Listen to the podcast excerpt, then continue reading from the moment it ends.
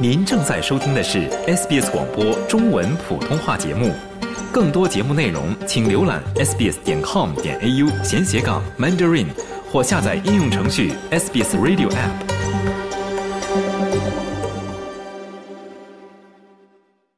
从法律角度看待社会现象，以专家意见指点生活迷津。请听现场说法。现场说法，您了解法律、咨询问题的空间。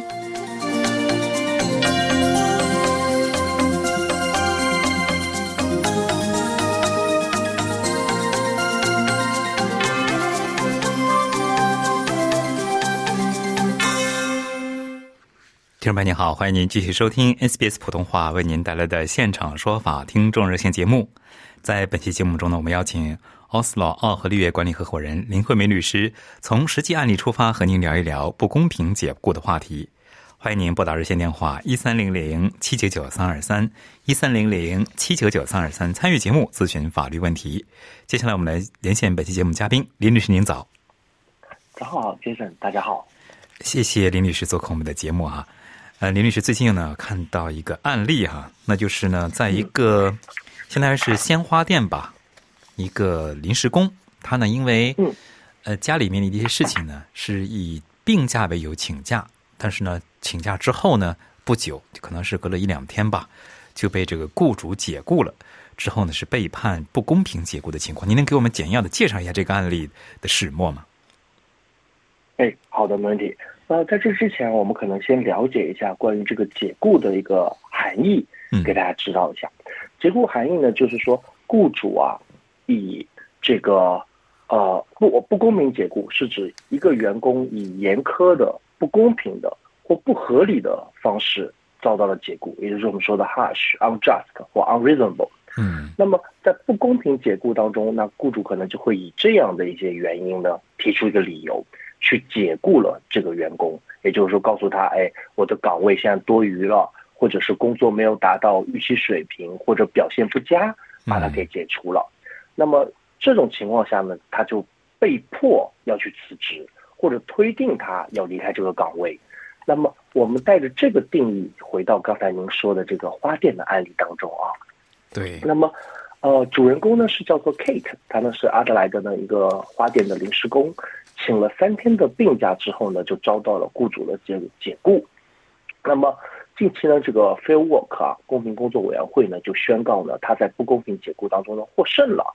尽管他的雇主呢声称解雇他是由于行业的旺季已经结束了，就是说现在进入淡季了，他的这个岗位呢不再被需要了。那么 Kate 呢已经在这个花店啊工作了十九个月了，他和他另外两个同事呢都收到了老板的这个邮件。通知他们被解雇了，那老板在邮件当中也明确写到说，哦，操，呃，旺季已经到尾声了，那岗位呢就应该被终止了啊，感谢你们这个工作。那么如果再有旺季的话，会再联系你们，可能会让你们再回来。那么 Kate 收到这样的邮件之后呢，非常的惊讶，他认为呢他的岗位不是一个季节性的劳动的岗位，所以呢，他递交了劳动 Fair Work 劳动仲裁的相关的文件。那认为呢，他在他的岗位呢是有持续和系统性的有个排班给到他的。那么，呃，他的，呃呃，此外呢，律师也表达说，这是雇主啊，他犯了几个根本性的错误，以这样的方式来终止劳动关系。那么，因为呢，临时工在同样的或者相似的排班下工作超过十二个月之后，那么。固定的不公平解雇的相关法律呢，也应该保护系统性工作的临时员工。呃，我记得这个点呢，可能在我们之前的节目当中呢，我们也分享过，说一个临时员工啊，长期的或者是有一个规律的被排班的话，他其实也会被不公平解雇而保护，甚至呢，他在一定程度上呢，他其实向全职或者兼职的这个岗位啊，也越来越近了。对，因为超过十二个月的话，就不存在刚才就是这个案例中这个季节性啊，因为十二个月已经把四个季全涵盖了。哎，是的，您说的这个点非常非常重要。那么这一点呢，那雇主呢其实就犯了一个错误，那就在雇员请了三天假之后，就把他从班表中移除了，然后呢回来病假回来之后呢，直接告诉他他就不能上班了。这里呢，其实还犯了第二个的错误，也就是说，在没有和 Kate 商量的情况下，直接解雇了这个雇员，没有用一个合适的方式通知到他，也没有给他一个应答的机会。嗯那么在邮件当中呢，也没有说明他的工作能力或工作行为的问题，而只是说记忘记与淡季的问题。对，首先是这个通知时间也太短了，没有商量啊。是的，是的。嗯，非常所以从这点上，对，抱歉这个呃，结尾一下，就是从这点上我们能看出来，其实他的解雇是不合理的。嗯因此呢，最后判定他应该得到两千八的澳元的收入加上养老保险。就是您刚才提到是这个不公平解雇哈，就是说嗯，作为雇主来说，怎么样才能就是比较合理的、合法的解雇这个员工呢？嗯，呃，我们说的呢有以下几点，我们如果是雇主的听众呢，要额外注意的；要是雇员的听众呢，也要看哎是否雇主超出了这个范畴。嗯首先，第一点，合法解雇员工的方式，第一点，以公平合理的方式解雇员工。那这里指的公平合理呢，是指说我是否企业真的遇到了一些这种问题，是否岗位真的变少了？如果岗位真的变少，我们所谓叫做 redundancy，我们现在要裁员了。那这种裁员呢，其实是一种经济现象，那应该是被接受的。但其实提前我我们应该给到两周到四周是比较普遍的一个通知。那呃，如果再多的话，那可能有些雇主呢还会额外再给两周到四周的这个工资，嗯让这个员工可以一个和平、呃公平合理的方式离开，这第一点。第二点，由于真实的岗位被裁了，导致员工失业了，就像我们刚才分析到的经济情况一样。第三种，如果是雇主属于小生意的话，那还可以遵守小生意公平解雇的准则，就是说这样的门槛呢会低一点点。嗯，非常谢谢林律师的介绍，听众朋友，您正在收听的是现场说法听众热线节目，欢迎您继续拨打热线电话一三零零七九九三二三一三零零七九九三二三参与节目咨询法律问题。接下来我们来接听听众电话，这位是 Wendy，Wendy 您好，哎，对，哎，你好，你好。哎，你请讲，因为刚才你们，呃，在这个就说还没开通热线之前，主要说的是医疗行业不正之风，对吧？哎，有一个是有一个采访，是的，哎，对。但是我现在就是想，你们这个电台能不能给医疗行业专门设一个每天都有直接打电话进来的为法律咨询，可不可以呢？因为我现在这个患者是从啊二零零五年开始病到现在，到现在为止，我全身现在都是病，不知道原发病灶在哪里。还有刚才你们说的什么医美容的这些不正之风，我就我就通过这十几年、二十年看病，快快快要二十年了。发现医疗行业的不正之风太多太多，还有什么？别说诊所拿医医医生的别人的执照开诊所，就连我之前做 SRS 这个都用别人的执照去开这个生意，把我们现在的病人不是当病人在拿生意做了。所所以呢，我下面的话我不说了，我不能超过三分钟，我就想让你们这个电台能不能开一个每天都有，让我们患者。为医疗行业找一点不争之风，好吗？行了，好嘞，谢谢谢谢文姐的建议，谢谢您。哎，好好，拜拜。那么接下来继续接听听众电话，这位是王先生，王先生您好，哦，你好啊，哎，您请讲。啊，我的问题就是这样的，我买了那个剃鬚刀，那个剃鬚刀呢，特出来把我的面剃伤了，但是现在那个法庭就是判决的判决的理由就是剃鬚刀不及格，违反了澳大利亚消费者法第五十四条，因此退还八块钱的剃须刀费用。但是我的面部受了伤，法律有没有支持我们受伤者向他索赔？嗯哎，好的，谢谢您，王先生，您的问题啊。首先，我认为这是判决本身啊，它是判定那个剃须刀啊，它其实是不合格的一个产品，这这点的判决对您来说是有利的啊。并且呢，刚才您也提到了《消费者保护法》的第五十三条，第五十三条里面呢，它是一个非常重要的一个法条。这个法条呢，明确的说明了说，这个我物品啊，它必须是有合格的品质的。这样的合格品质里面就包括了安全，没有瑕疵。安全这个点呢，在您这个案件当中可能会是个非常重要的点。那我知道这个剃须刀呢，其实对您已经造成了一定的这个伤害。那您是否有医疗报告也已经呈堂给法庭了呢？我的问王先生，嗯，我有报告，还有照片。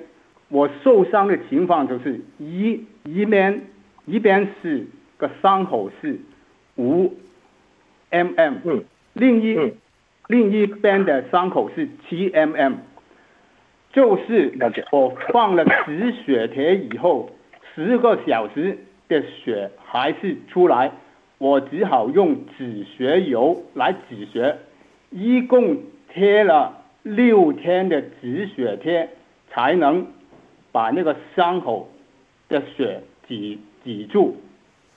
那看来是非常严重哦，并且这个判决当中，我刚才听您描述到，他只赔了八付八澳币的一个物品本身的一个费用，那看来也其实是存在这个没有看没有包含到您的损失的这一方面的赔偿。那这一点呢，我建议您有两个方式可以选择。第一个方式呢，对这个判决本身，您看一下是否包含了本身判您的起诉书里面是否包含了对于您个人伤害这部分的这个赔偿的主张。如果有的话，并且判决没有包含的话，您可以考虑上诉与否。这是第一点。如果哎，您请讲。他没有，只是说那个剃须刀质量不及格，违反了澳大利亚消费者法第五十四条，因此要退还八块钱的剃须刀费用，全部都没有讲了。是的，我理解第五十四条是关于这个呃质量方面、安全方面啊。那如果它没有包含您的这个人身伤害的话，那我建议您要提起相关的上诉，哦，告诉法官这样的判决还没有包含另一方面的赔偿，这第一点。第二点，那我相信这样的产品啊，应该不只是卖给您一个人，它应该在整个市场上是多方面流通的。那它也可能造成了别人的损失，那这点上您也可以考虑叫做集体诉讼。那集体诉讼如果造成了多方的损失的话，大家可以把力量抱在一起，抱团 去提起一个诉讼。这时候呢，您的诉讼的费用可能会更低，并且这个结果啊可能会更加的呃普及更多的人。那这两个诉讼方面呢，您可以考虑一下。好嘞，谢谢啊王先生。我主要是这样，我想向律师了解一下他的消费者法有没有哪一条规定，如果受伤了要赔偿的那个法律的规定。哦，这一点上不仅是消费者法的，还有包括合同法，还有包括侵权法。它的不合格的商品对您产生了这个伤害的话，您都可以基于不只是消费者法、合同法、侵权法，您都可以提出来的。嗯嗯，您的法律基础还是很丰富的。好嘞，谢谢王先生，供您参考。接下来我们接听下面一位听众，这位是陈女士，陈女士您好。啊，你好，啊，主持人好，嘉宾好，你好，啊，我想请教一下那个林律师哈，啊，嗯我有一个问题是这样子的，嗯，我让律师做了一个商业的租赁啊律师，然后当时啊，我收到他的啊 cost agreement 的时候呢，我就把全额的款付给他，然后我 租客找到以后呢，我就让他呢出个出这个历史。然后他就一直很慢刁难我，然后呢，嗯，后来他还说要再加五百块钱，那我担心这个时间呢，啊耽误了，我说那好吧，你回家吧，啊，结果他出做出来的这个例子呢，是错误百出，就是跟那个 cost agreement 呢就不一样，然后呢，然后我的客人看到以后呢，他以为说是啊。房东的原因，所以呢，他说，啊、你改变主意了，你不你不守信用，我不要了，我不要租了。然后呢，啊、那就没租成了。然后就通知了这个律师，我说，啊、你看你你不但耽误了时间，你做出来的错误百出，然后他不要了。我说，那我也不想再做下去了。那我想，啊、你把钱退给我。然后我现在就是想请问一下林律师，我这个钱可以退吗？哎，好的，王女士，谢谢您的问题哦。您的问题里面应该包含两类您法对法律服务的纠纷哦，一类是价格方面的，一类是质量方面的。啊，协议。一个是什么？我没听清楚。呃哦，第一个是关于价格方面的，啊价格方面的问题。第二个方面呢是关于质量方面的问题。质量方面您可能有一些问题。那至于这两个问题啊，您依次呢都有以下几个权利。第一个权利，呃，它不是额外在 cost agreement 基础上又加了五百之类的嘛？这样的基础上呢，您可以要求他提供这个具体的是工作明细，也就是我们常说的 itemized deal，就是他把这个钱收过来之后，他到底是怎么去用通过他的工作时间去消化这笔钱的，根据他的 hourly rate 每小时的这个收费。所以第一，您可以要求 itemized bill 啊，这第一点。第二点。嗯嗯，对对，第一点，第二点，我们可以跟他有一个，还是先有一个友好的沟通，因为这样友好的沟通呢，性价比最高，呃，您也不需要付额外的其他的费用再来解决这个纠纷，可以跟他沟通，他是否可以退部分或者大部分的款项给到您，因为质量的问题，因为这个结果房呃租客也有反馈，说是房东的表达前后不一致，但可能不是您的前后不一致，而是文书上当中表达的不是您的本意啊。这第二点可以跟他再有沟通。第三点，呃，就是我们说的 cost assessment，就是费用评估。那这一点呢，您可能会产生一些费用，因为您要请第三方的费用评估师进来评估他的工作，评估他的收费标准是否合理。但如果评估下来，结果是对您有利的话，那可能对他就可能他就得为了去解决这个问题啊，他会给您做一定的这个呃退款，甚至是赔偿。但如果结果做出来，他的这个 cost assessment 是有利于他的，就是说他的收费标准是好的，他这个质量呢是可以被接受的。那这种情况下，其实您的法律基础呢就会被削弱了。这是第三个您可以考虑的 cost assessment。那第四个就是，如果他的服务质量品质让您是不满意的，或者在跟他沟通当中，您他呢对您的呃态度是不佳的，甚至是带有威胁的口吻之类的话，那这种情况下，您可以去当州的律师委员会啊。去进行投诉，那相关的律师委员会呢，也是把这样的问题放到很高的一个处理标准的，可能会介入来帮助大家解决这样的矛盾。是律师工会是吗？是律师工会。对，不同的州它也许有不同的名字。那消费者委员会呢？是不是可以从到消费者委员？消费者委员会也是一个选择，但律师工会呢，可能会更加直接、更加直接的解决这个问题。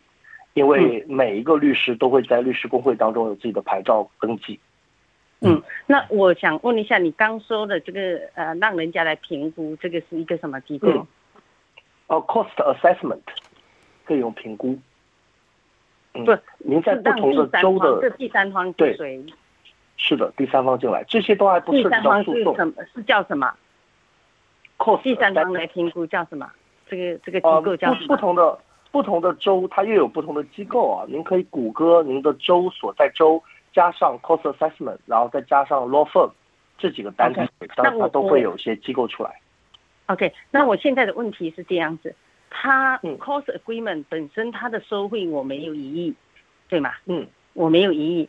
那么啊，关键的问题是因为呢，他没有帮我做好，他的是他也承认他做错了，他也承认了。然后呢，嗯，我我觉得他没有完成我的服务，他是应该退款的，是不是这样子？我我没有我没有对他之前的 cost agreement 的一些呃收费标准有有有不同的这个看法，我已经全额付给他，啊，就是在他还没有做服务之前，我已经全额付给他了。然后我现在的问题就是说。因为呢，他说要再收我五百，那我说收吧。然后现在没做成，然后嗯，那个租客不要了。然后他说呢，嗯，我我做了很多错误了，我很错误。然后他又重新发了一份。其实，在发这一份之前，我已经给他停止了。我说你不要再做了，啊，他已经不要了，我也不想再请再请你做了。然后他就发过来，还要找。他说他还要 invoice 我五百块钱，那我现在呢？这五百块钱我是绝对不会付给他的。我现在呢就想，我是想，我有我有这个权利让他退回我的钱，是不是前额呢？那我也不一定完全指望前额，但是至少他要退回退回我一部分，对吗？那我就哦，对的，这就涉及到我们刚才说的费用的这个问题。嗯，对，那、嗯哦，你说的这个 cost agreement 我是没有疑义的。那那现在就是说只能找律师工会是吗？哦，我想呃，如果他有因为我觉得我已经没办法跟他沟通了。他我要跟他沟通，他说我我要收你五百块钱。嗯，您的诉求其实就是退回一部分自己的法律费用，对不对？对，我觉得嗯，林律师，像这种情况的话，是不是直接找律师工会呢？还是需要这个 cost assessment 吗？哦 c o s t assessment 是可选项啊，不是您嗯必须要做的。但当然，如果这个结果是有利于您的话，就是一个很好的一个证据基础，但不是必须要做的啊。当然，我再补充一下，如果他有 negligence，就是说我们说的职业疏忽给您造成损失的话，您除了退款之外，可以要求额外的赔偿啊。就是那我这个要购找谁？这个那个 negligence 的话，negligence 的话，您可能要提出诉讼，才能才能得到一定的主张。如果双方达不成和解的话，嗯能能不能到消费者委员会去嗯去去消费者委员会是呃一定是一个一定是一个好的一个平台来帮助到您，因为您跟他确定的这个服务与消费者的关系，嗯啊，这也是一个选择。好嘞，谢谢陈女士供您参考。好好好，谢谢哈祝您顺。利。接下来接听下面一位，这位是另一位陈女士，您好。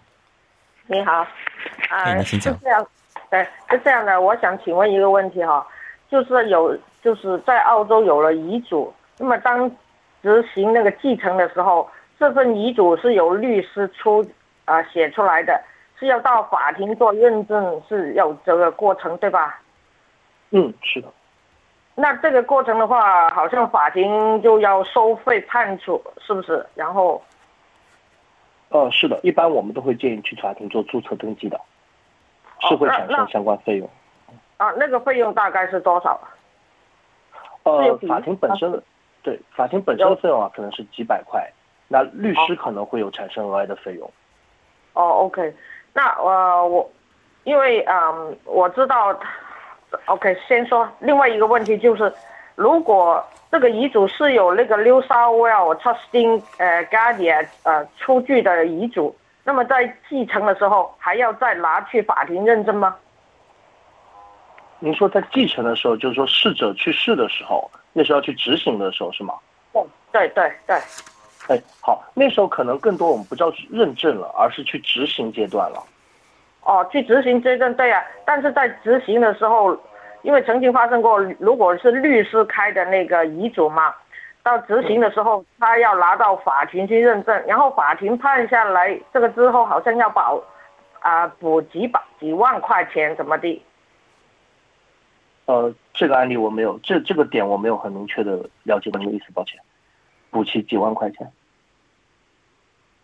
是补这哦，我们这个线掉了哈，陈女士的这个线掉了，就是，嗯，陈女士这个意思可能就是说，在写了这个遗嘱到继承的时候呢，法院好像要做个法律程序是吗？需要走这个法是的是是的，呃，我们一般都会建议客户啊，做完自己遗嘱之后，不是简单的把遗嘱放在家里啊，而是要去法院做一个登记认证，嗯这可以帮助到自己的遗嘱更有公信力。那么在执行的时候呢，再把这个遗嘱啊，在法院的层面，而不是在自己家里，有时候拿出来，我们就开始做执行阶段了。到时候会有遗嘱遗嘱的执行人开始嗯操作这件事情。但陈女士刚才讲的那个陈女士有解答您问题吗？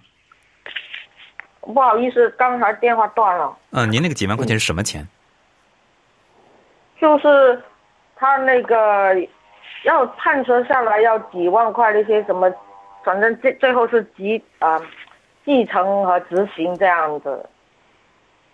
嗯，我可能要对您的这几万块钱做一个定性，它是否是遗嘱继承人他所收的费用，还是之类的？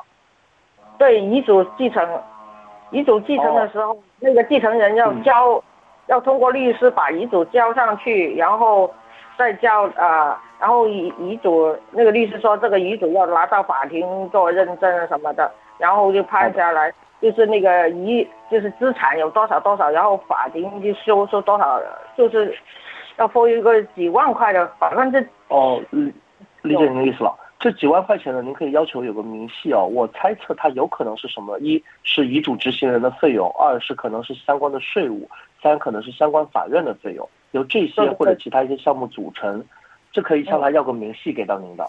嗯。哦，应该是税务了。那这个税务怎么算？不晓不晓得哈，大概几个？呃，这个这个确实要回到您的案情当中来计算了。啊，嗯，啊，因为每个人可能您是几万，有些人可能更少，有些可能更多。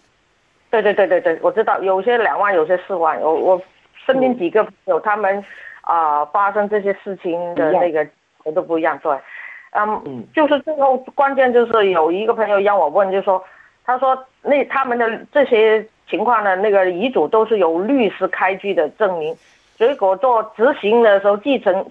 那个呃，继承的时候要拿到法庭做认证，就等于中国的什么公证处处认证你这份遗嘱的真实性啊，或者各方面什么的。